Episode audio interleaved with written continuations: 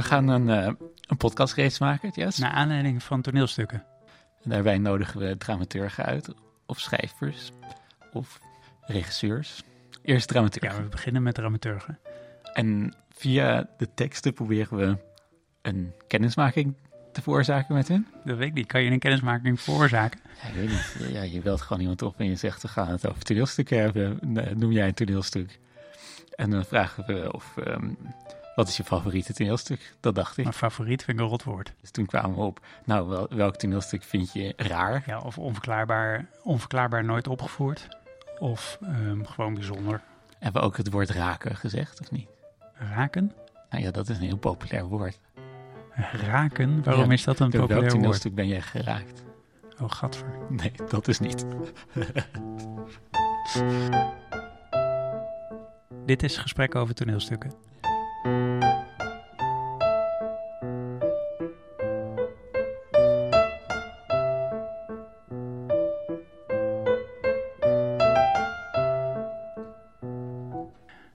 keer is de gast uh, Roos Euwe van Boch. De dramateur van Boch. De dramateur van Boch. En zij heeft een tekst uitgekozen van Hanna... De Meijer. New Skin. Yes. In het Engels.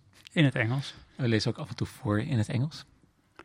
Maar verder heeft het gesprek volgens mij weinig introductie nodig. Ja. Ja, moet je nog de leeftijd van Hanna de Meijer ongeveer weten?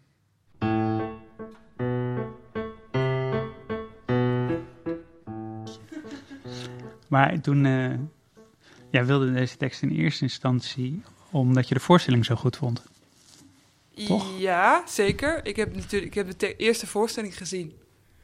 Uh, en toen de dacht, ja, dus dat is ja. Maar dat geldt eigenlijk voor, de, voor de, de tekst van Annelies Verbeke, die ik ook uh, heel graag zou of zou willen bespreken. Of de, gewoon de eerste, dat waren de eerste twee teksten waar ik aan dacht toen jullie me deze vraag stelden. Uh, dus white male privilege, daar gaan we weer. Of nee, daar gaan we weer. Tussen haakjes white male privilege van Annelies Verbeke.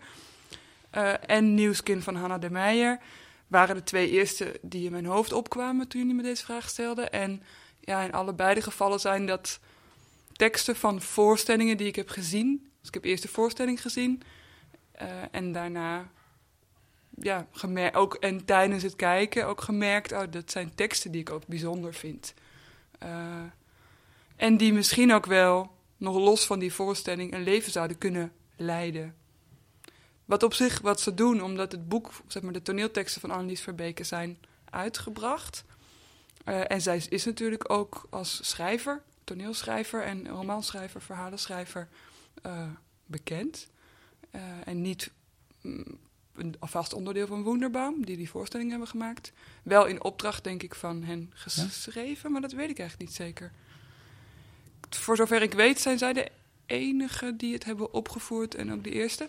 Maar dus dat en, en Hanna, haar tekst, ja, zij heeft die natuurlijk zelf geschreven en zelf gespeeld. Want ze is makende schrijver en zover ik weet schrijft zij niet voor anderen. Mm, maar het is wel in een boekje uitgegeven bij het Toneelhuis. Um, en de voorstelling was ook voor het Toneelhuis, toch? Ja, was onderdeel van ja, een productie van het Toneelhuis, ja. En um, ja, en wie weet, ik, ben, ik zou best benieuwd zijn hoe het is als iemand anders die tekst zou spelen. En ik heb de tekst ook gelezen met studenten van uh, uh, Luca Drama in Leuven. Mm -hmm. En dat was ook interessant, want zij kenden de voorstelling niet en hebben alleen de tekst gelezen. Waardoor je ook wel merkt, oh ja, hoe zij erop reageren en wat zij er interessant aan vinden. Ja, die, dat komt ook over uh, als je alleen de tekst leest. Speelde zij het vrij sober? Vooral de tekst, of speelde, was er nog veel meer omheen? Ze speelt het alleen. Ze was een nieuwskind de enige performer op het podium. Het, had, decor was vooral licht, denk ik, en een witte balletvloer. En er zat wel muziek bij, opgenomen muziek. Um, Soundscape-achtige muziek. En ja, verder het was heel sober in die zin dat er weinig objecten of andere mensen waren. Uh, maar wel heel uh, bijzonder, vond ik, belichaamd gespeeld.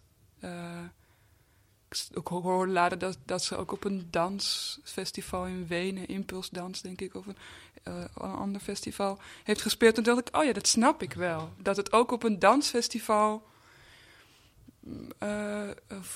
ge, geprogrammeerd wordt.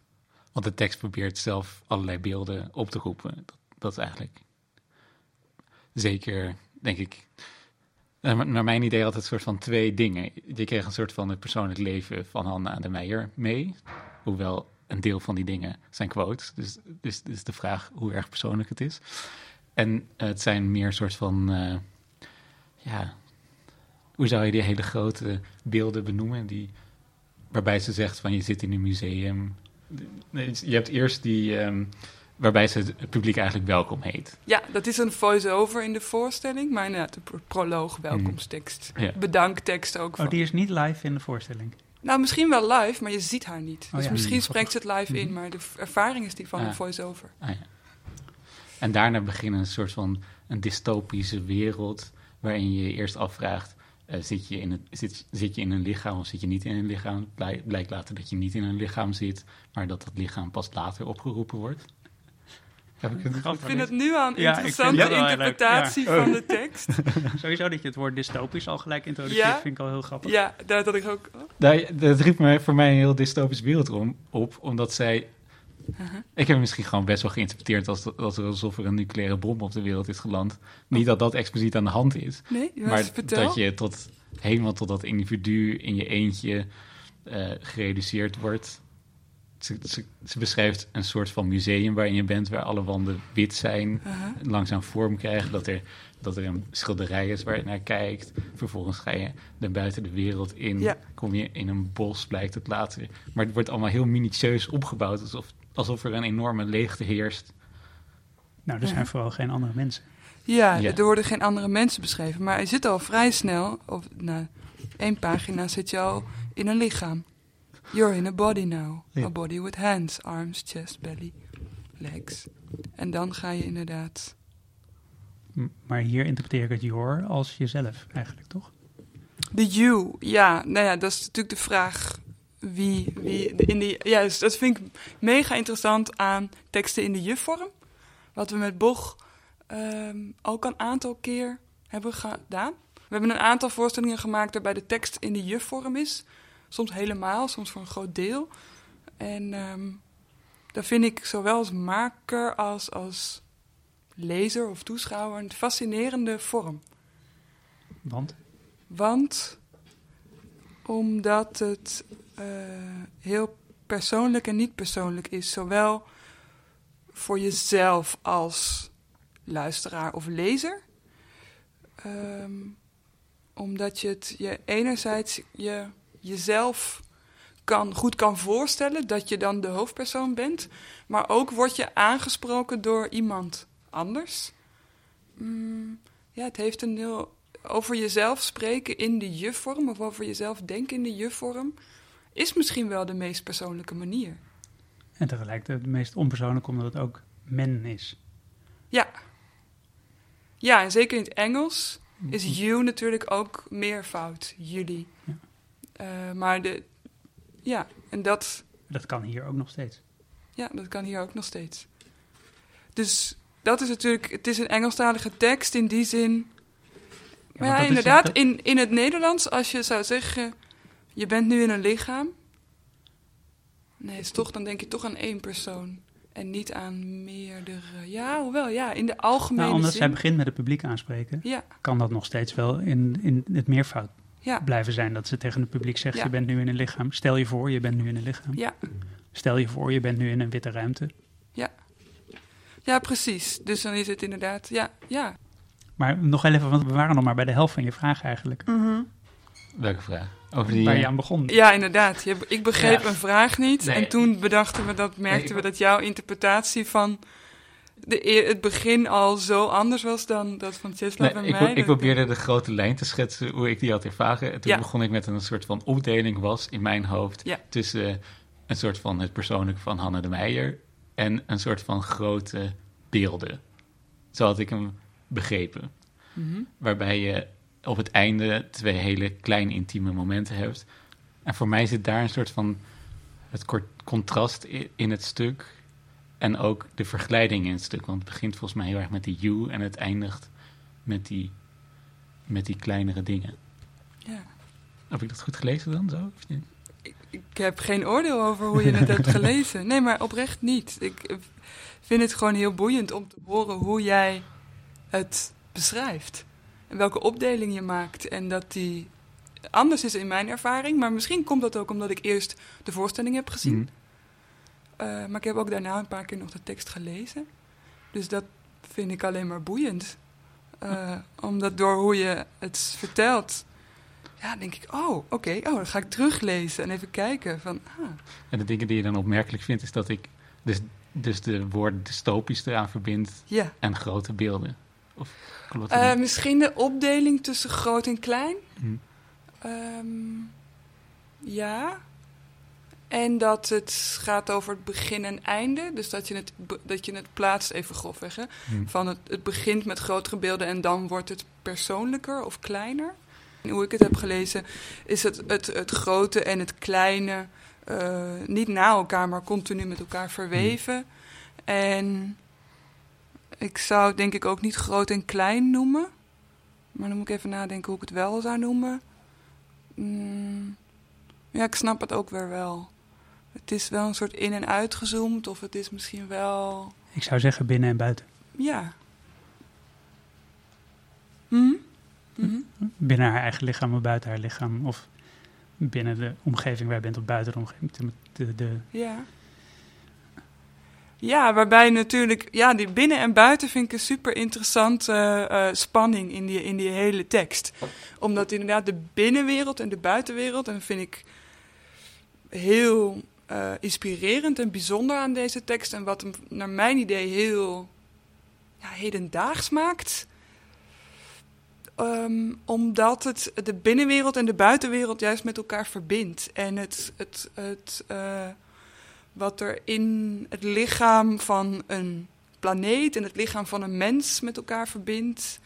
Ehm, eh, verschillende geschieden, zeg maar, verleden en heden en toekomst met elkaar verbindt. Door dat lichaam en door die, het lichaam van de aarde.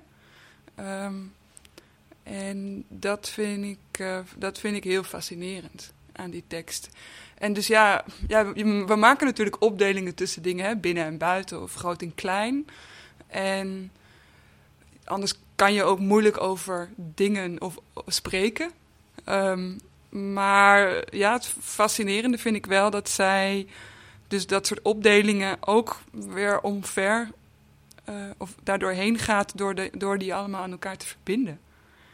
Eh, waardoor je denkt, oh, het, is, het grote is onderdeel van het kleine. En het kleine is onderdeel van het grote. Eh, dus ja, ze zijn verschillend, maar ze zijn ook samen. Ehm, en dat vind ik heel... eh, Volgens mij doet het vrij letterlijk bijna. Een, een moment dat, dat ik gelijk herinner is namelijk het moment dat ze zegt... je graaft door de grond heen, maar je graaft ook door de tijd heen. Ja, uiteindelijk En, vindt ze er een burning heart. Daar doet ze het heel letterlijk. Ze gaat steeds dieper de grond in en de aarde in en dan wordt het een soort lava. En uiteindelijk beschrijft ze dat als haar eigen brandende hart. hm. Dus dan gaat ze letterlijk de aarde in, maar de eigen lichaam uiteindelijk in. Ja, ja precies. Ja, die combinaties van dat het, het door je lichaam heen de aarde vinden, of andersom, zoals je het net beschrijft, door in de aarde te graven je eigen binnenste terug te vinden. En ook de binnenste van andere mensen. Maar net noemde je dat hedendaags, maar wat is daar hedendaags aan?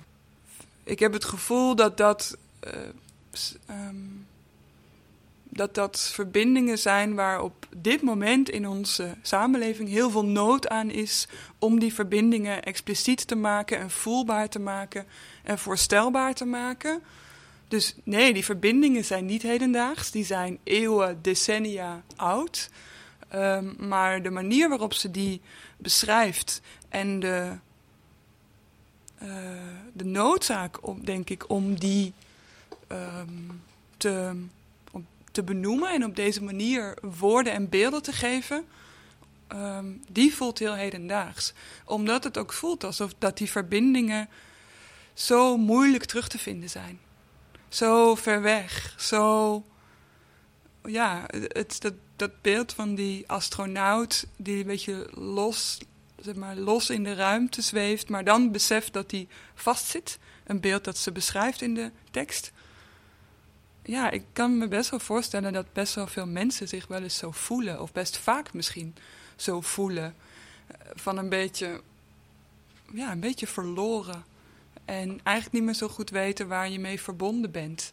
En ook ja, het, de voeling een, beetje hebben verloren met elkaar, met uh, de, de banden die je aan de. met je eigen lichaam, met de banden die je hebt in je geschiedenissen, in je familiegeschiedenissen, in, je, in de plek, de fysieke plek waar je bent. En, uh, en dat is nog pre-epidemie natuurlijk. Dus die verbind, die, die, dat verlangen en die noodzaak naar die verbinding is alleen maar gegroeid, ongelooflijk gegroeid afgelopen jaar natuurlijk.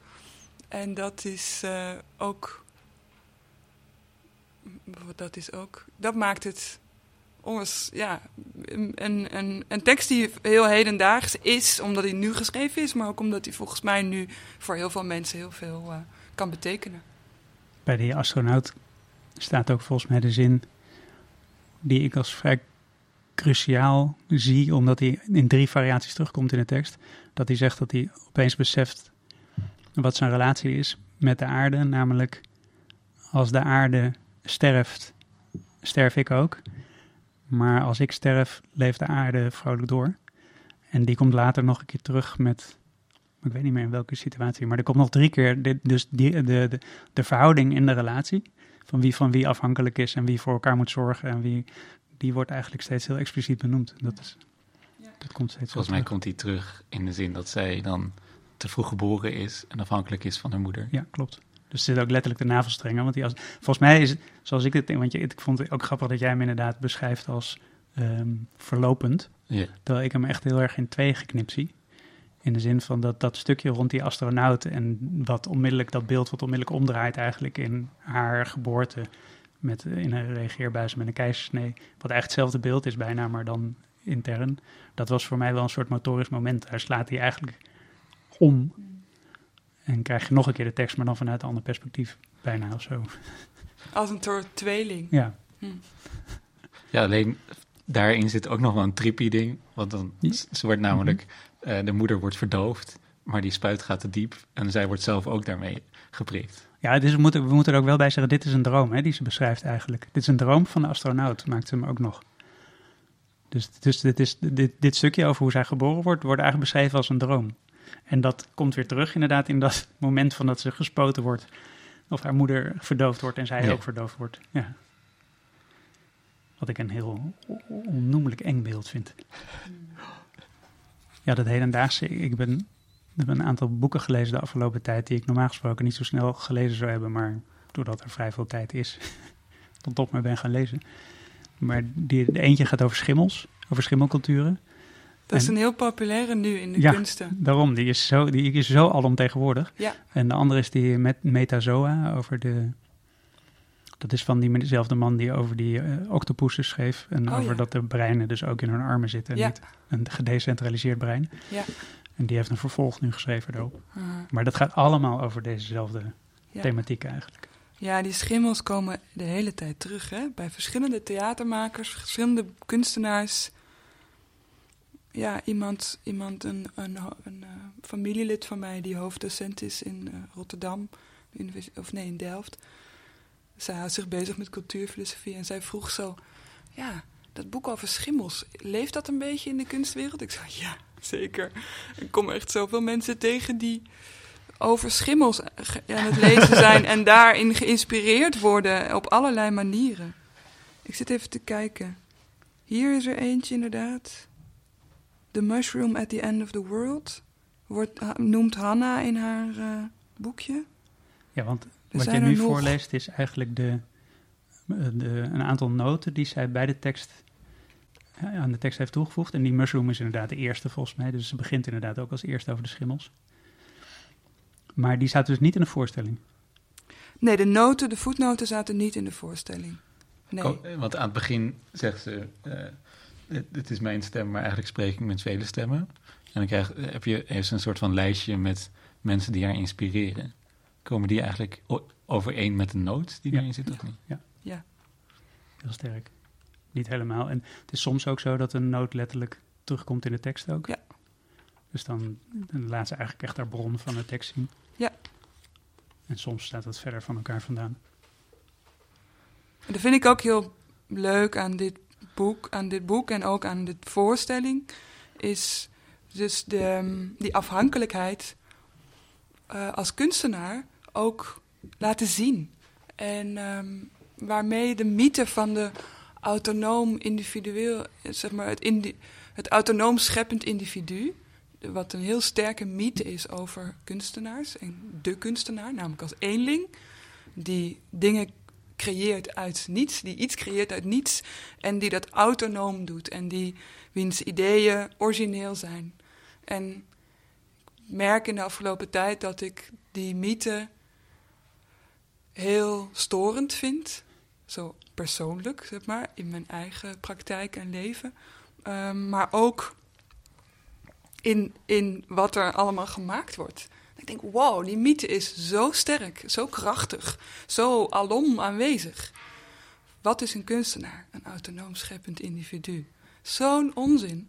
En ik merk dat ik alle kunstenaars die ik boeiend vind, van, van generaties lang geleden, van decennia geleden tot en met nu, zijn allemaal mensen die niet alleen zijn, die ook expliciet maken dat ze afhankelijk zijn van inspiratiebronnen, van elkaar, omdat ze in een collectief zitten, of omdat ze juist hun eh, geschiedenissen of hun ja, inspiratiebronnen, of, of die nu artistiek zijn of, of wat dan ook, expliciet maken, kenbaar maken. Laten zien dat ze samen zijn, dat ze eh, hun ideeën niet alleen van hen zijn, maar van meerdere mensen. En dat is een kunstenaarschap dat eigenlijk al, al zo lang al gaande is. Weet je? De, de artistieke praktijk gaat eigenlijk, volgens mij, 90% daarover. Maar die 10% van die mensen die zichzelf als een autonoom scheppend individu neerzetten, dat is op een of andere manier zo eh, eh, dominant geworden of zo, zo zichtbaar gemaakt. Waardoor, je denkt, waardoor dat dan een, zo'n beeld is van hoe, hè, hoezo? Ja, en dat langzamerhand begin ik steeds meer te merken van, oh, wow, volgens mij, ik vind het heel belangrijk om daar eh, expliciet het tegenwicht aan te bieden. En om in allemaal dingen die ik doe, dat toch om dat tegenwicht te bieden. Omdat het niet alleen impliciet, eh, dat, want dat gebeurt er allemaal, en, maar toch nog steeds niet zo gezien wordt. En ja, dus we hebben het echt nodig, denk ik. Dat je die afhankelijkheid als iets waardevols eh, naar buiten brengt. Dat we dat doen, allemaal. Was dat ook een van de aantrekkelijkheden voor, van het theater voor jou? Dat je, dat je, je ziet op toneel vaak dat je ziet in ieder geval meerdere spelers die samen een stuk opbouwen. Dus zelfs als buitenstaander kan je enigszins zien dat het niet alleen wordt gedaan. Toneel maken in je eentje is sowieso heel moeilijk. Ja, precies. Maar was dat ook de aantrekkelijkheid voor, je, voor jou persoonlijk om je in theater te interesseren? Ik denk dat ik dat nu pas besef. Dat ik dat, eh, dat, dat voor mij inderdaad ja, aantrekkelijk is. Of dat mij dat aantrekt. Maar niet alleen aan theater. Ehm, het stond niet echt in de sterren geschreven dat ik met theater, met, zou met theater zou bezighouden. En dat is denk ik ook niet voor mij noodzakelijk in de zin van... ik kan me ook voorstellen dat ik me niet met theater bezighoud, maar met andere dingen. Ehm, maar ja, ik denk het wel. Ik denk wel dat ik dat eh, Ik ben achteraf wel- gezien... Ik ben wel benieuwd naar die andere dingen dan. Nou, ik wilde eerst journalist worden. Co- een buitenlandcorrespondent. Ik ook. Daarom ben ik theaterwetenschap gaan doen, omdat ik dacht, dan kan ik beter via een recensie schrijven de krant inkomen, want dat is specifieker. Dan word ik waarschijnlijk sneller bij een krant uitgenodigd en dan kan ik dan naar het buitenland. En dan de school voor journalistiek. Ja, de school voor journalistiek was toen in de jaren tachtig een beetje zo, ja, dat is een beetje algemeen zo, een beetje pabo-achtig voelde dat. En ik dacht, ah, nou, als ik nou gewoon een specifiek onderwerp neem, dan gaat het waarschijnlijk directer. Wat slim. waarom ik journalist wilde worden. Ik hou van onderzoek doen, ik hou van schrijven. En Bij mij ging het echt specifiek over het reizen. Ik wilde gewoon naar het buitenland. Daarom denk ik, het was een heel romantisch ideaal van een journalist. ja, had ik ook. Mijn vader die is eh, geluidsman voor documentaires. Met name VPRO, maar ook andere omroepen. En eh, die reisde heel veel in de jaren negentig toen ik opgroeide. Was er ontzettend veel budget voor televisie. Om eh, lange documentaires te maken en lange interviews met mensen aan de andere kant van de wereld. Dus hij was heel veel op reis en stuurde aanslagkaartjes vanuit verschillende plekken over de hele wereld. En later konden we dat dan zien op televisie, Ja. waar hij was geweest. En eh, dat was wel een fascinerend, fascinerend iets, ja. Dus daar kwam dat denk ik vandaan. Omdat hij met allemaal verhalen en foto's en, nou, en aanzichtkaarten en zo terugkwam steeds eh, van echt over de hele wereld. En dat vond ik wel heel boeiend.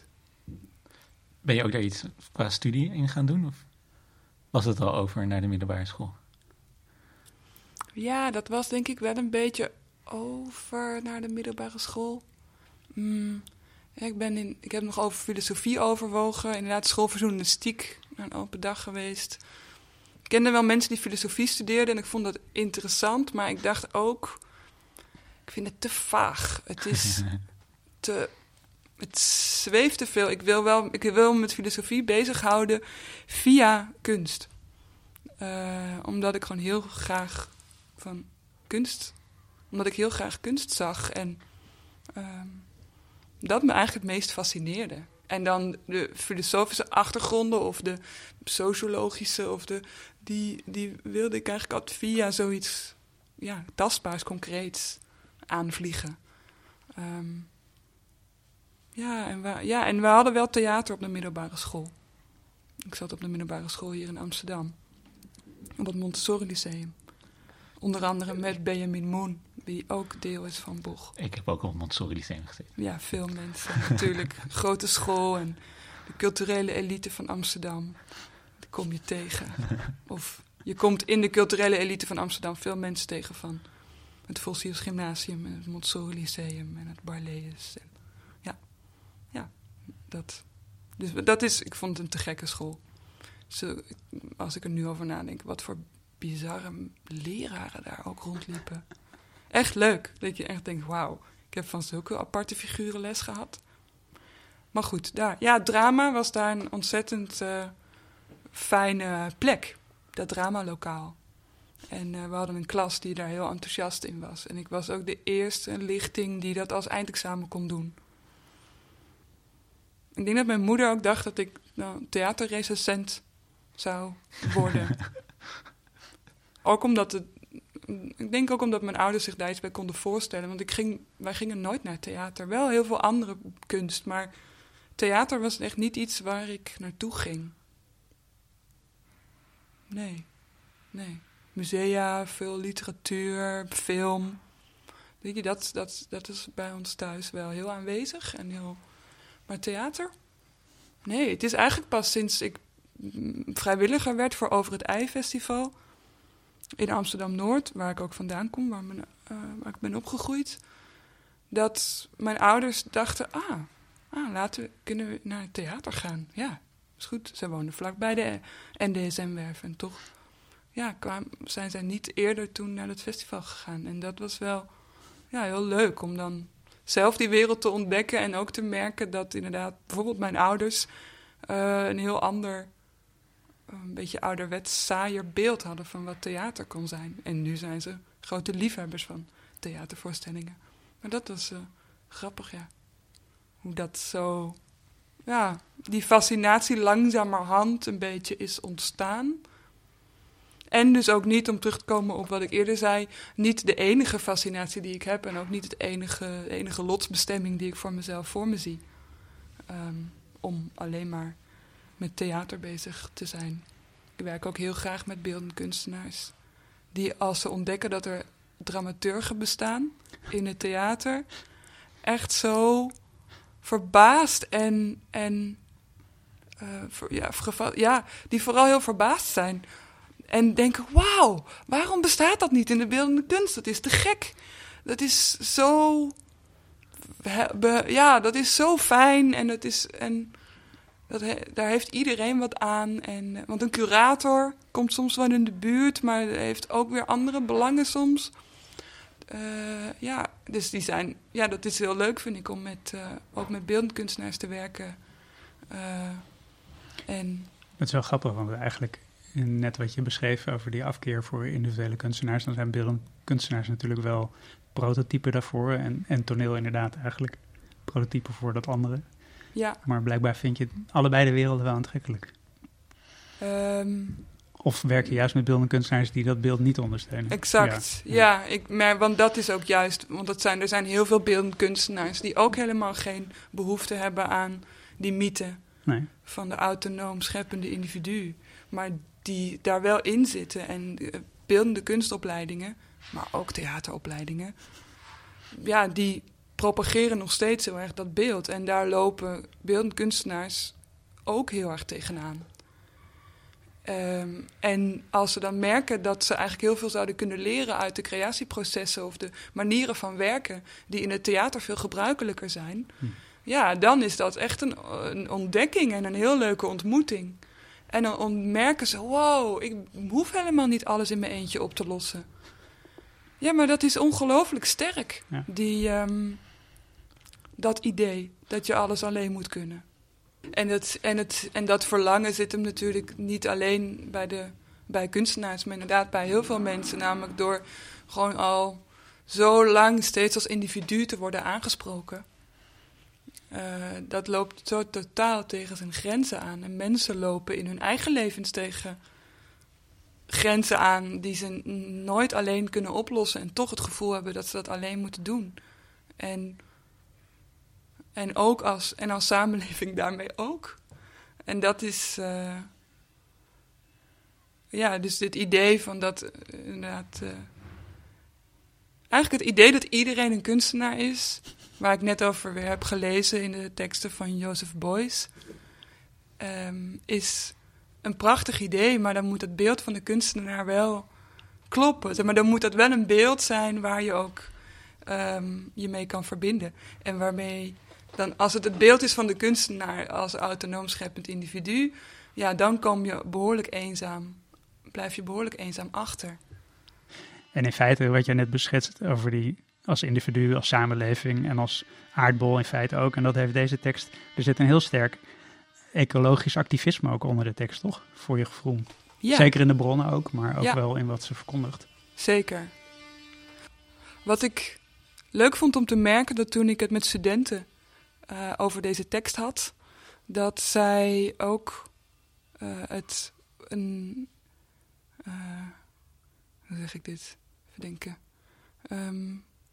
Ik, had, eh, ik, heb, ik heb deze tekst met studenten gelezen met als thema ecologie.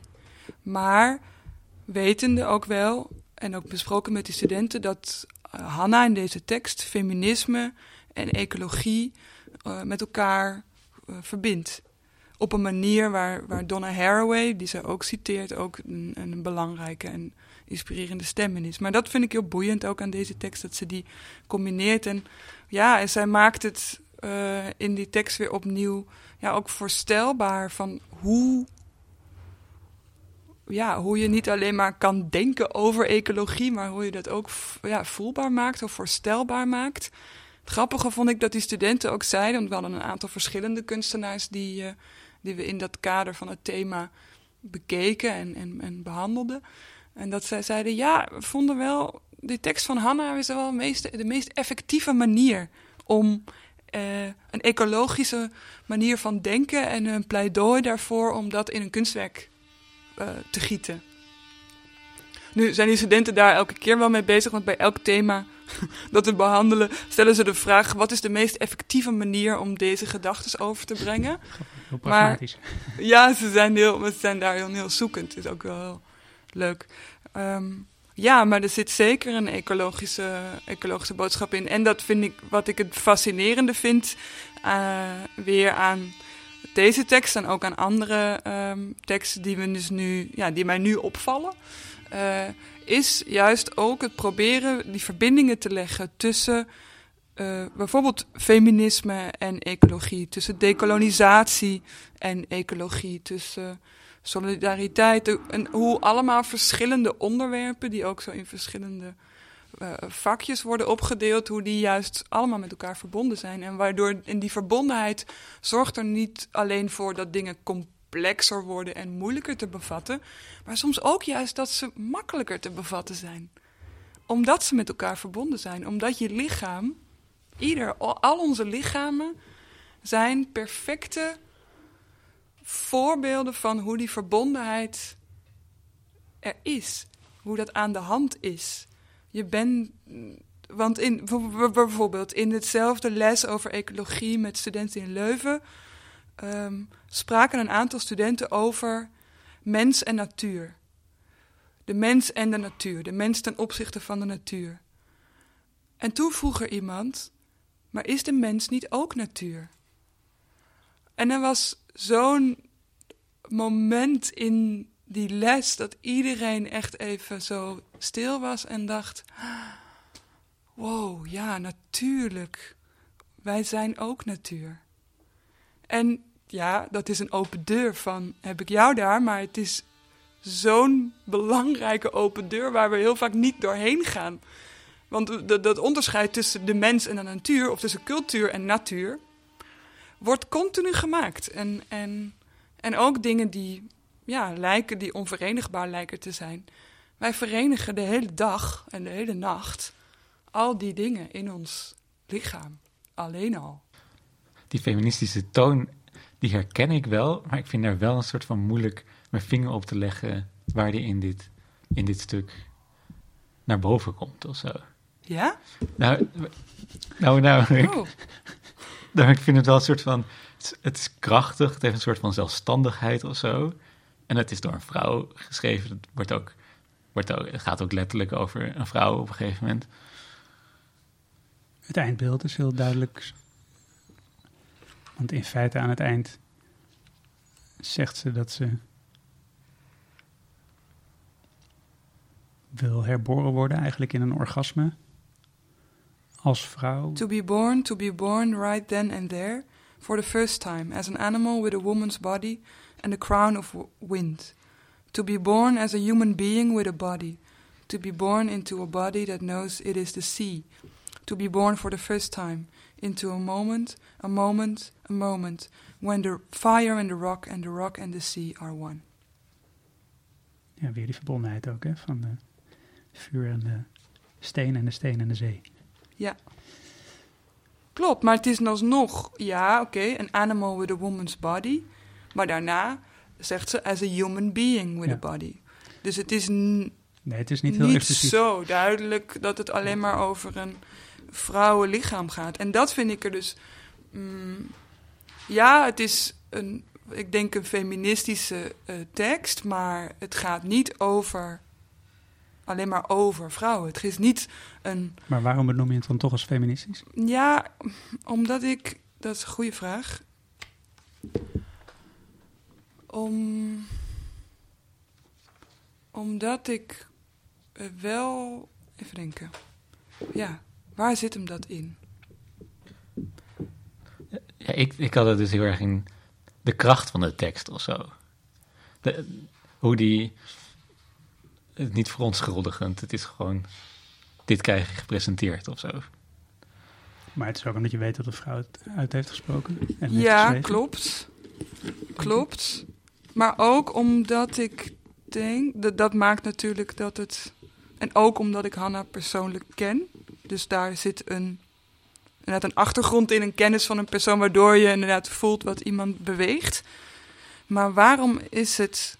Kijk, stel dat een man het zou hebben geschreven, dan zou ik het ook een feministische tekst vinden. Ehm, en waarom? Ik denk omdat. Uh, ja, omdat er denk ik ding, aspecten van, van leven en van lichaam en van uh, worden benoemd die ruimte geven aan. eh, ja, die ruimte. Ja, shit, ja, hoe zeg je dit? Ehm,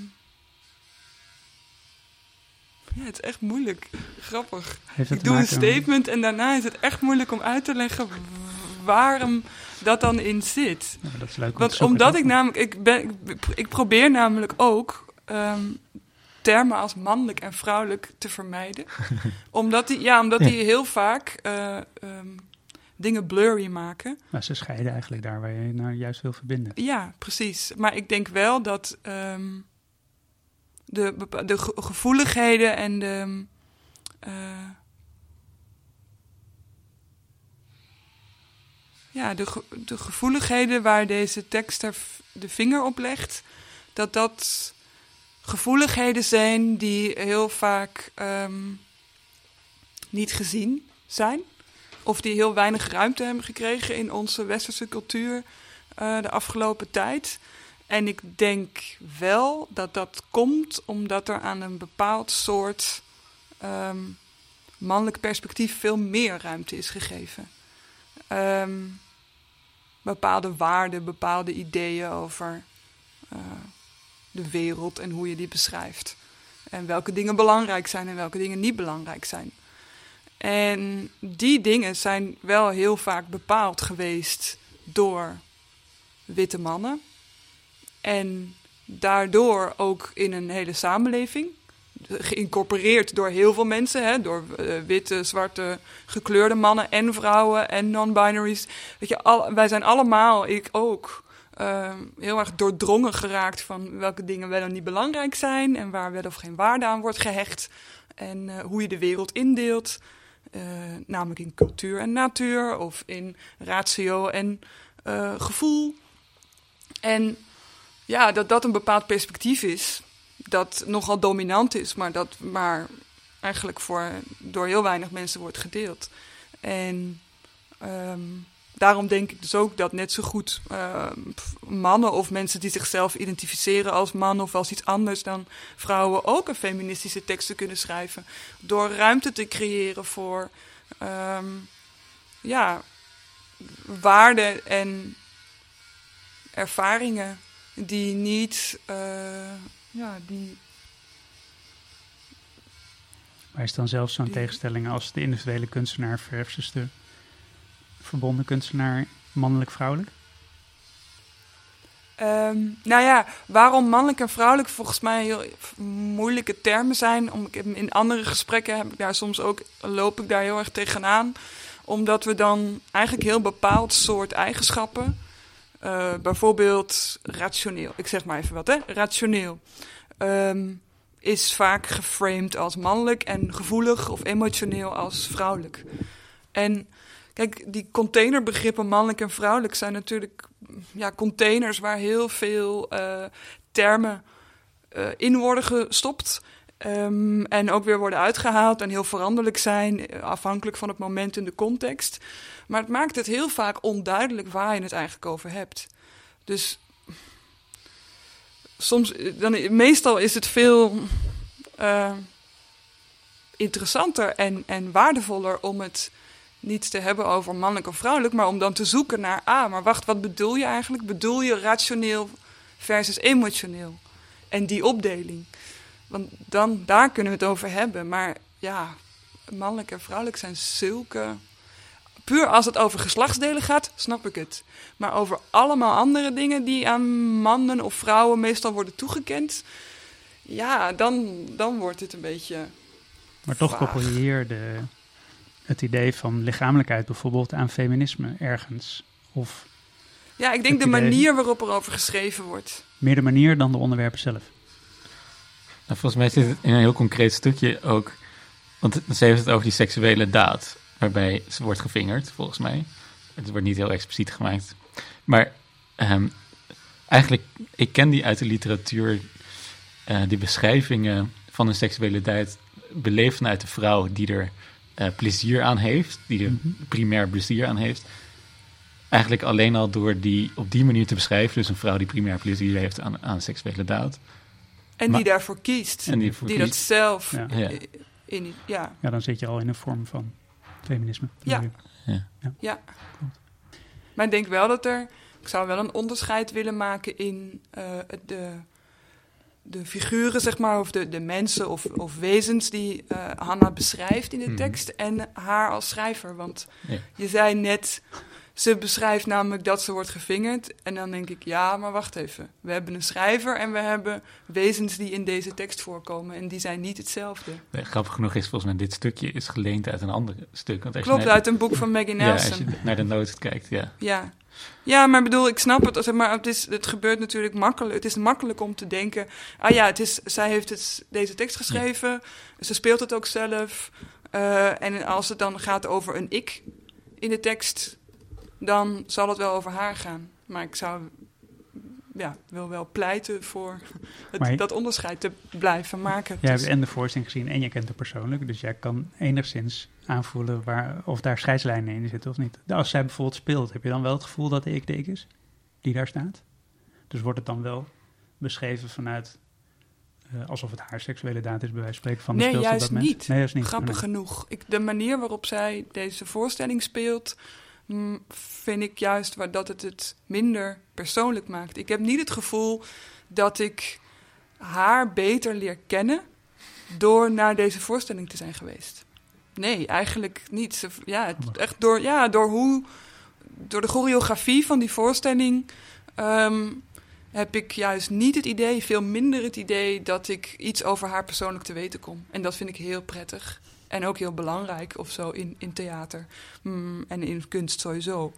Uh, maar dat is in, best knap eigenlijk, vind ik. Dat als je zelf een tekst schrijft en die ook best inderdaad die een intimiteit heeft, omdat die over intieme dingen gaat, uh, gevoelens en emoties en um, in het lichaam. En ja, dat ze dat op een manier kan spelen waardoor dat juist niet nog kleiner wordt, maar juist veel groter. Ik heb ook niet het, ik heb bijna niet het gevoel dat ik naar een mens aan het kijken was. Ja, dat, dat is... zou het tegenovergestelde voor een probleem opleveren. Dus als zij het heel intiem bracht, alsof het over haarzelf ging. Zou je dan afgesloten raken? ervan? Misschien, zou kunnen. Zou kunnen. Of dan zou het weer teruggebracht worden tot het individualisme. In, in plaats van tot het grotere verbonden gegeven. Ja. Ja, bijvoorbeeld, ja. Ja, dan zou ik het misschien ja, minder, minder interessant vinden. Zou... privé. Ja, ja, zou ik dat gevoel hebben.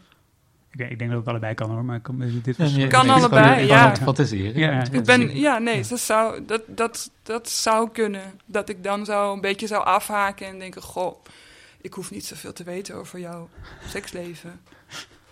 Uh, maar op deze manier bedoel, heb ik niet het gevoel dat ik iets over haar seksleven te weten kom. Helemaal niet.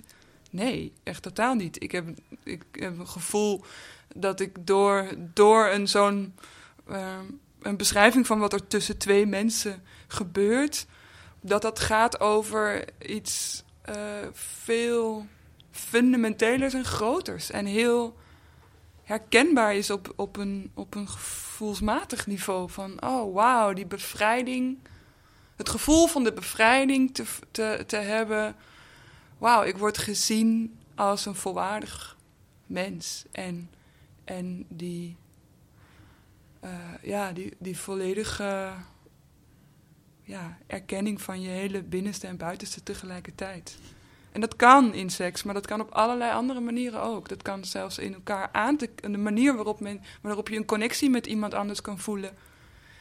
Door die aan te kijken of door een gesprek te hebben of door niks... Ja, dat, dat, dat gevoel is heel bijzonder. En dat... En dat kan ook met een dier. Ik bedoel, dat kan ook met... Ja, maar ik bedoel, niet, niet... Ja, seks kan met een dier, maar dat bedoelde ik niet. Maar ik bedoel meer, je hebt allerlei ervaringen... Waardoor je... Uh, ja, je volledig voelt of je herboren voelt... of je zo diep verbonden voelt met wat of waar je op dat moment mee bezig bent.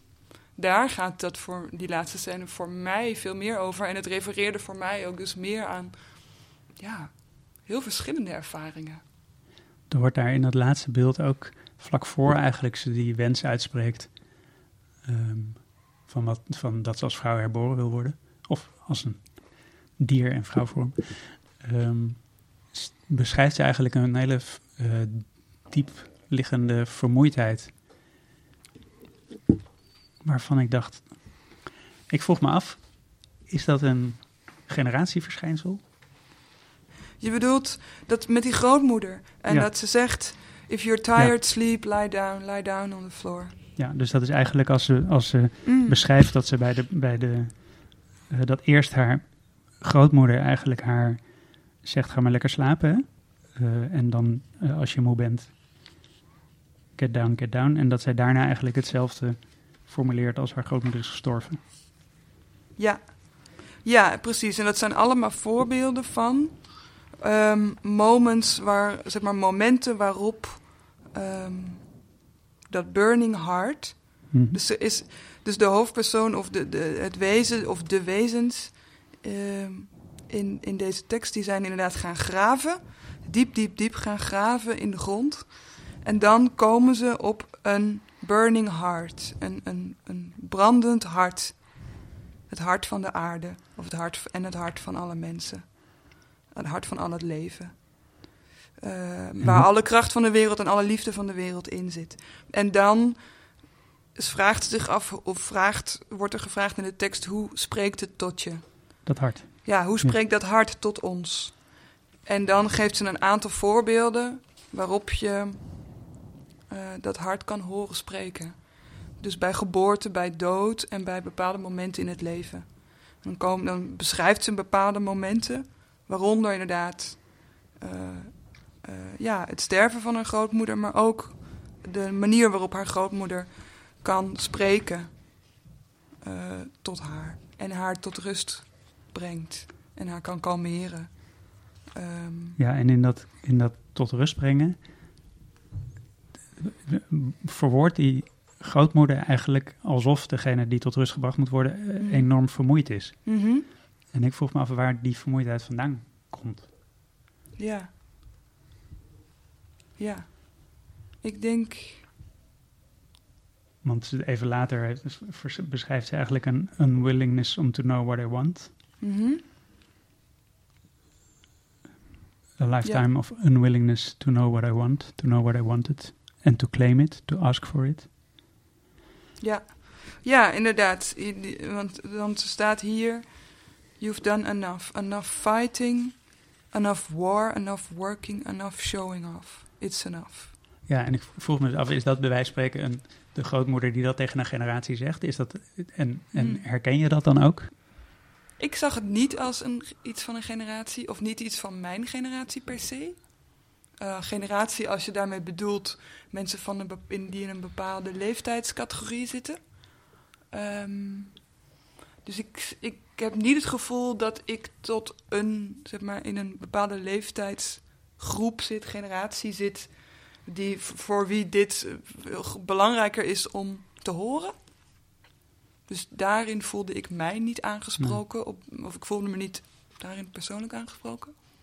Ehm, en ik denk eigenlijk dat, dat ik, als het gaat over die vermoeidheid, van waarom, waarom zijn we nou zo moe en wat, en die kan, ja, de, de, de nood en de behoefte om te horen van iemand: het is oké, je hebt genoeg gewerkt, je hebt genoeg geprobeerd, je hebt gevochten. Dat, ik denk dat dat. Ik zie daarin bijvoorbeeld de jongeren die voor het klimaat eh, aan het demonstreren zijn. Die echt. ehm, die opgroeien nu en die echt het gevoel hebben: we gaan naar een dystopie. Dit is zo groot en bedreigend en eh, komt zo dichtbij. En dat die zie ik voor. Maar als het gaat over enough war, weet je, oorlog is natuurlijk een groot woord waar ik me eigenlijk weinig, eigenlijk niks bij kan voorstellen. Eh, en ik denk, ik, ik, ik denk dat, bedoel, ik heb tot nu toe in mijn leven helemaal niet het gevoel gehad dat er, dat er, dat ik ooit dichtbij een oorlogssituatie zou kunnen komen. Maar ik denk dat als ik, ja, misschien tien jaar jonger zou zijn en veel meer zou opgroeien, maar als tiener al, eh, eh, het, een soort doemscenario, de hele tijd doemscenario zou krijgen, dat dat me veel harder eh, zou hebben ingegrepen op mij. Ja. En dat dat het gevoel van, oh wacht eens even, we zijn misschien al best wel dichtbij. Dat heb ik nu ook wel, dat gevoel. Maar ik denk wel dat dat veel beangstigender is als je 17 bent. En dat dat of en nu. En, en dat dat wel. Ja. Ik ben 29, dus ik weet niet of ik nou per se bij de jonge generatie hoor of al bij een oude generatie.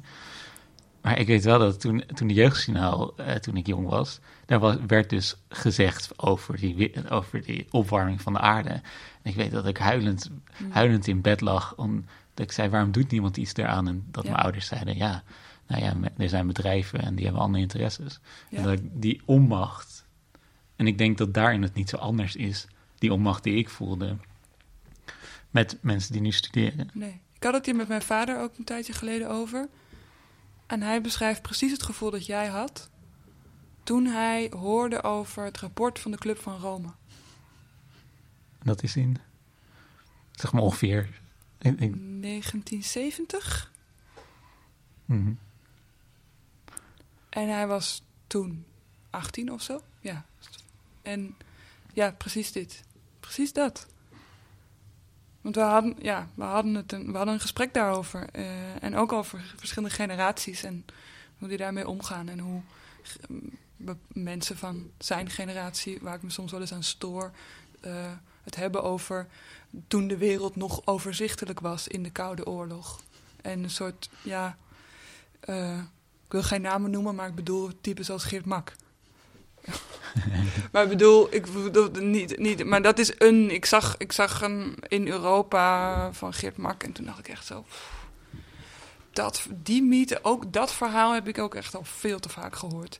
Dat de wereld toen nog overzichtelijk was in, er zijn de goede en de slechte en nu is het allemaal chaotisch. En toen dacht ik echt zo, ja, we we hadden het daar een beetje over. En, maar toen zei hij eigenlijk van, ja, nee, wacht eens even, hij zei inderdaad. Het was inderdaad helemaal niet zo makkelijk. Dat onder, onderscheid was helemaal niet zo duidelijk. Het was ook heel chaotisch. Maar we hadden het ook over die, ja, die verontwaardiging van. En die angst. En die shit, wat gebeurt er? God, wow, wat gebeurt er met de wereld? En waar ga ik in opgroeien? Dat had hij ook. 18 jaar, de Club van Rome, dat rapport. Dat was, is nog steeds erg accuraat en heel eh, beangstigend. En dat was toen ook zo. En ehm, dat is ook een dus het is ja, het zijn generaties op verschillende manieren. Ik denk dat voor heel voor alle mensen die 17 jaar zijn ongeveer en proberen zich voor te stellen in wat voor wereld ze opgroeien en schrikken van die wereld. Ik denk dat dat op meerdere momenten en om verschillende redenen eh, een verpletterend besef is en beangstigend soms ook en, en zorgwekkend en ook redenen om de straat op te gaan of om actie te voeren. Ja, Maar het feit dat je eigenlijk nu niet meer weet of alles wat tot je komt, of je dat wel kan vertrouwen, dat lijkt me zo'n fundamentele verwarring. Is dat het? Ja, dat denk ik zelf. Maar dat misschien omdat ik die zelf heb. Hè. Dat, kan, dat, is- kan allemaal projectie zijn. Maar het lijkt mij, dat lijkt mij verreweg het ingewikkeldste aan deze tijd. Dat, Mm. dat je gewoon niks meer kan vertrouwen wat tot je komt.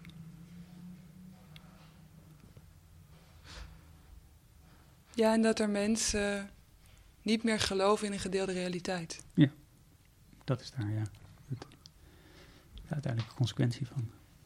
Ja, dat je merkt dat er mensen zijn die niet alleen zeggen: ja, ik, ben, ik heb een andere mening over dit of dat, maar dat die zeggen: nee, ik leef in een andere realiteit. Onze realiteiten zijn, fu- zijn fundamenteel anders. En ik erken jouw realiteit niet en ik erken. En dus ook niet dat wij in een gedeelde realiteit leven. Dat vind ik zelf het meest onvoorstelbare of zo. Ik kan het formuleren zo, op deze manier, maar ik kan het niet bevatten, eigenlijk. Wat, Nee. wat, wat dat is. In die zin denk ik wel dat, dat het heel belangrijk is om theater te maken en om kunst te maken. Nee, maar dat, en dat, dat meen ik echt. Omdat je daarin fysiek in dezelfde realiteit kan zijn. En omdat je door die fysieke, gezamenlijke ervaring in tijd en ruimte en de mogelijkheid om die ervaring op heel veel manieren te interpreteren, maar wel al die mensen om je heen te zien en te voelen. We hebben dit samen meegemaakt en we hebben daar allemaal andere versies van. Maar we zijn hier wel allemaal nu geweest. Dat is de meest tastbare realiteit die we met elkaar kunnen delen. Ik denk dat die ervaringen van wezenlijk belang zijn. Om inderdaad ook op een denkniveau uh, vervolgens of op andere momenten te, ook in eenzelfde realiteit te kunnen zijn. Um, er zitten heel veel referenties aan museale en performanceachtige vorm. En daar ken ik bij Boch ook wel vrij veel van. Jullie lenen heel veel beeldspraak ook uit de beeldende kunst. Je noemt niet voor niets Boch collectie of zo. Er zit heel veel. En ook in deze tekst zit heel veel, veel eerder um, beeldende kunstachtige referenties dan toneelreferenties, wat wij bijvoorbeeld heel veel gedaan hebben. Wij verwijzen altijd naar toneel. Ja. Jullie verwijzen heel vaak naar musea. Ja. Of, of performances of, of beeldende kunst. Klopt, ja. Ja, maar zeker. Ja, nee, beeldende kunstwerken komen vaak bij ons uh, langs, inderdaad. Ook als het gaat over decorideeën. Ja, zeker. Als we dan decorideeën met elkaar bespreken, dan hebben we meestal plaatjes van beeldende kunstenaars bij ons. Ja. James Terrell komt bijvoorbeeld wel eens voor. Je hebt ook zo'n heel leuk werk van Jozef Kossuth over met drie stoelen. Namelijk een stoel, een, af, een beschrijving van een stoel dat op, die op de muur hangt en een foto van diezelfde stoel die daar ook naast hangt. Three, one and Three Chairs heet het uit de jaren 60. En ook zo'n beeld dat elke keer bij ons terugkomt. En dat hebben we vaak met beeldend kunst, ja. En waarom dat beeld? Dat beeld van die stoel. Die drie stoelen. Um, ik denk omdat het gaat over de verschillende lagen van uh, werkelijkheid. Uh, namelijk de beschrijving, een foto en een object. En dat je eigenlijk van alle drie kan zeggen dat ze echt zijn en niet echt of zo. Dat het, ze zijn drie, zijn drie variaties van rondom hetzelfde. Um, ik denk dat we dat heel, uh, heel inspirerend vinden om op die manier uh, een beschrijving of een beeld niet als een minderwaardige versie van een stoel te zien, maar als drie, uh, ja, drie variaties, drie verschillende perspectieven, die ook weer drie eigen vormen hebben en weer eigen kenmerken hebben. Want die beschrijving van die stoel is denk ik gewoon echt iets uit een woordenboek. Zeg maar overgenomen, wat is een stoel? En dat opgeschreven. Maar dat heeft ook weer een hele eigen uh, vorm. En dat verwijst dan weer door die taal en door de woorden en door de vormgeving van die woorden. Kom je in een hele andere wereld terecht. De wereld van de woordenboeken, de wereld van de beschrijvingen, de wereld van uh, ja, taal als een beeld ook. En, en dat is een, weer een, een, een eigen wereld of zo. Terwijl en die stoel, de echte, zeg maar de stoel, het objectstoel. Nou, daarmee kom je weer in, kom je in de meubels en het design en het hout en materiaal en functie en, um, en lichaam. Want is een stoel ook een stoel als er niemand op zit? Nou, allerlei dat soort dingen. En het ruimtelijk. En, en met de foto van de stoel kom je weer in een andere. En toch is het allemaal een stoel. Ja, het is heel, ja, ik kan er heel lang over praten, maar ik vind dat zo'n leuke, inspirerende manier van omgaan met de dingen om je heen. En ik denk, ja, met Boch, ik vind het moeilijk om te zeggen waarom. Waarom? Waarom hebben we weinig theaterreferenties en, en meer beeldende kunst? Het is inderdaad heel opvallend. En zeker als we in de maakprocessen en in de gesprekken die we achter de schermen hebben. We hebben het best wel vaak over uh, theater als een sokkel.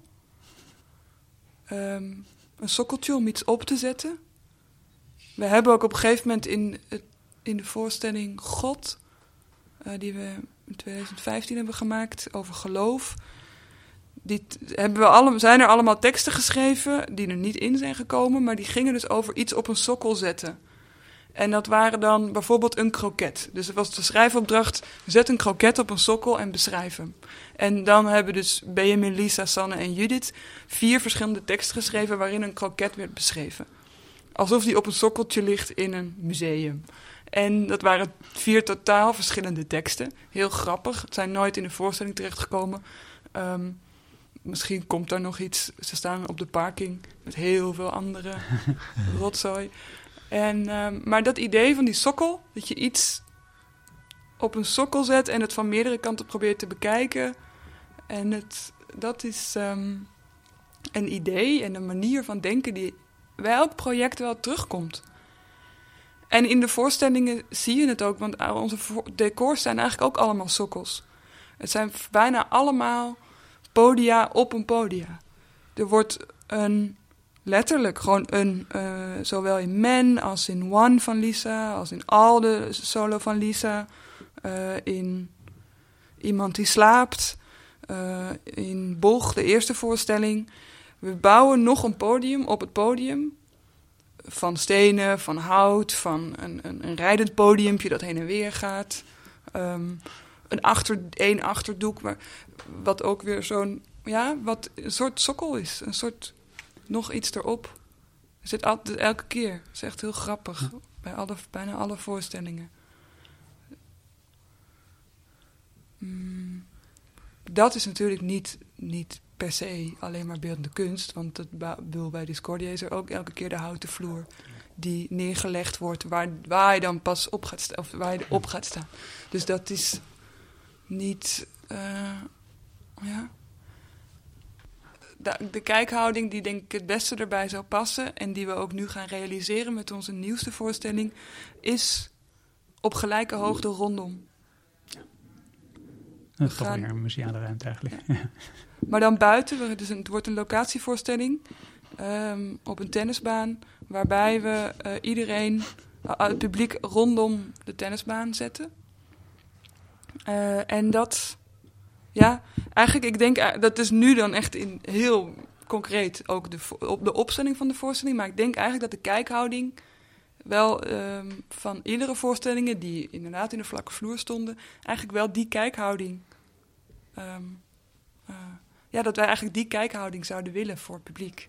Namelijk dat je het iets, dat kan op een sokkel in een museum heel goed, dat je het van alle kanten zou kunnen bekijken. Mm -hmm. Ja. Uh, ja. Maar heeft het ook iets met jullie opleiding te maken? In... Want ik weet, ik, bij, bij Hanna weet ik het zelf ook niet, hè, want ik weet niet precies waar die vandaan komt ook. Performance Maastricht. Performance ook Maastricht, dat ja. is ook waar eigenlijk het grootste deel van jullie ook vandaan komt. Ja, waar inderdaad Benjamin, Lisa en Judith ook vandaan komen. Ja. Er komen heel veel performance en musea en, en beeldende kunstreferenties in die opleiding. Ja. Dat is inderdaad zo. Ik heb het natuurlijk niet gedaan. Ik heb, die, ik heb theaterwetenschap gestudeerd en dramaturgie in Amsterdam. Um, maar inderdaad, dat hebben zij wel vanuit die opleiding. Heb ik het idee dat die referenties uh, ook gewoon daardoor gevoed worden. Ja, zeker. Ja. En dat vind, ik vind ook het gegeven dat jullie willen verzamelen altijd leuk. Maar dat zit ook in, in dat interview in, Theater Magazine, wat jullie hebben gehad onlangs. Over dat jullie beschrijven dat jullie het publiek eigenlijk ook vragen om, of om, om inhoud eigenlijk letterlijk. En dat verzamelen jullie ook weer. Dus. En in dat woord mm collectie zit dat natuurlijk ook. Ja, klopt. Dus.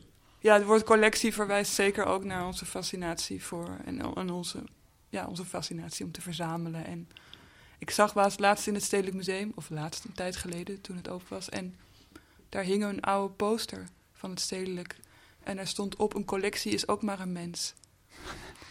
Super mooi. Het was prachtig vormgegeven. En er stond namelijk in, in, grote rode letters stond er een collectie is ook maar een mens. En daartussen, als je dan heel dichtbij kwam, zag je dat er tussen die grote rode letters nog kleinere letters stonden. En daar stond zoiets op als een museumcollectie wordt ook maar gekozen door een mens zoals de curator die in die. Dus toen werd het een langere tekst. Leuk. Ik vond het zo'n prachtige tekst en ik vond het ook zo herkenbaar en zo toepasselijk eigenlijk voor de houding die wij uh, als collectie proberen aan te nemen. Namelijk nooit af en nooit volledig. En de collectie die wij bij elkaar verzamelen en de selectie die we daar dan weer uit maken, waar, waar we onze voorstellingen op baseren, ja, die zijn ook maar samengesteld door mensen. Uh, ik vond het ja, zo'n mooie, inspirerende tekst eigenlijk. Het kwam echt ook net op het moment dat we een heel uh, ja, wat diepgaande gesprek hadden gehad met elkaar. En toen zag ik die tekst en dacht ik, wauw, ja, ja, zo voelt het, ja.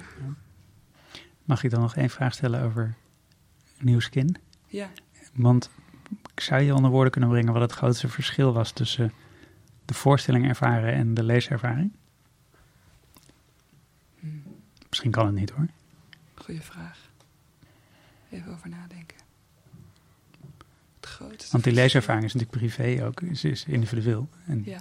daar heb je niet die fysieke aanwezigheid van de voorstelling. Klopt. Even denken.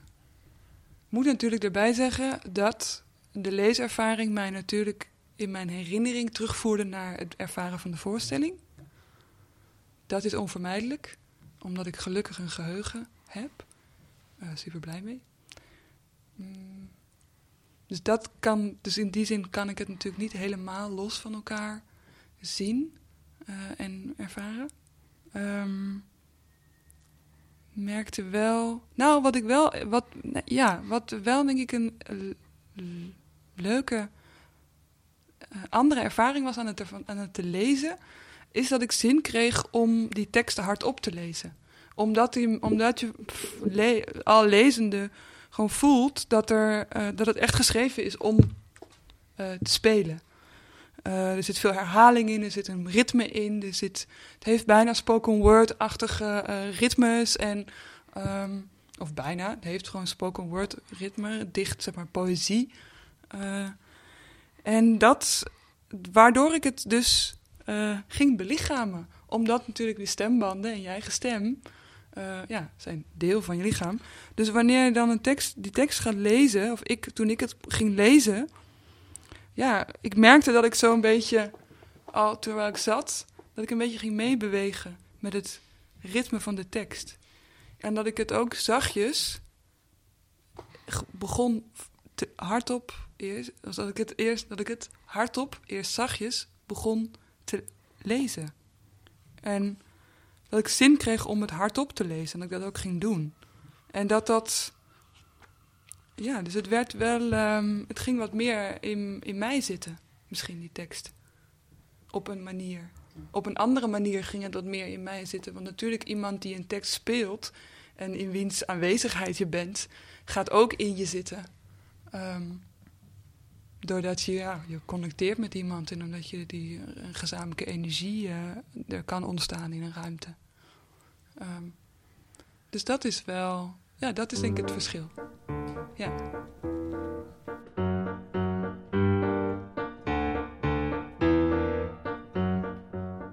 The astronaut is like a fetus, connected to the earth with an umbilical cord. And the cord between them is soft, loose, folded, hanging in space. And the astronaut moves away from her. Majestically, heroically, he moves away from the earth. Until a certain moment, one moment, a sudden moment, a split second in time, the cord pulls, pulls hard, pulls tight, and in that moment the astronaut understands their relationship. He knows if she dies, I'm lost. If I die, she, she will live on with ease. And in a split second, the astronaut is like a fetus, tilting upside down, tilting inside a womb, while muscles tighten around him and he's pushed back, pushed back into form, pushed back into the world.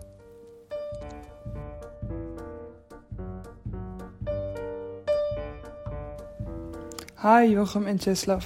Ik ehm, vond het een heel leuk gesprek vrijdag. Maar ik merkte dat ik nog wat heb nagedacht. En dat ik nog niet helemaal tevreden was. Omdat ik zo aan het stamelen was bij de vraag waarom is die tekst van Hanna feministisch? Ik zei dat wel, heel stellig, en ik ben het daar ook mee eens. Maar toen jullie vroegen waarom dan, zat ik een beetje met mijn mond vol tanden. En ik schaam me daar nog een beetje voor. Of, ik, dat is een beetje grof gezegd, ik wilde daar nog op terugkomen. Want ik denk dat het belangrijk is om dat nog wat duidelijker te maken. En waardevol om dat duidelijker te maken. Uh, voor mij betekent feminisme in de kunst uh, het emanciperen van ervaringen en gedachten van mensen die zich identificeren als vrouw, non-binair of queer, of die zo te identificeren zouden kunnen zijn. Um, en deze tekst van Hanna geeft wat mij betreft, heel veel ruimte aan die ervaringen en gedachten. Vanuit een perspectief dat dus niet mm, per se uh, dat van een man is, maar dat van nou, iets of iemand anders. Een dier met een. Uh, hoe, hoe zegt ze het ook alweer? Een, een, een, een vrouwelijk dier of een, een dier in een, van, in een vrouwenvorm. Um, maar waarom ik denk ik twijfelde om het uit te leggen. Uh, waarom ik twijfelde om het feministisch te noemen of hoe ik dat moest uitleggen, had denk ik ook te maken met dat ik niet wil zeggen dat deze tekst gaat over vrouwen of over vrouwelijke wezens of over non-binair of queer uh, mensen. De thematiek um, is juist die nog van een veel groter, heeft, is een veel groter perspectief. Namelijk um, hoe het is of zou kunnen zijn om samen te leven uh, met verschillende wezens uit verschillende tijden, dus zowel verleden en heden als toekomst. Uh, en niet alleen menselijke wezens, maar ook andere wezens, dieren, planten.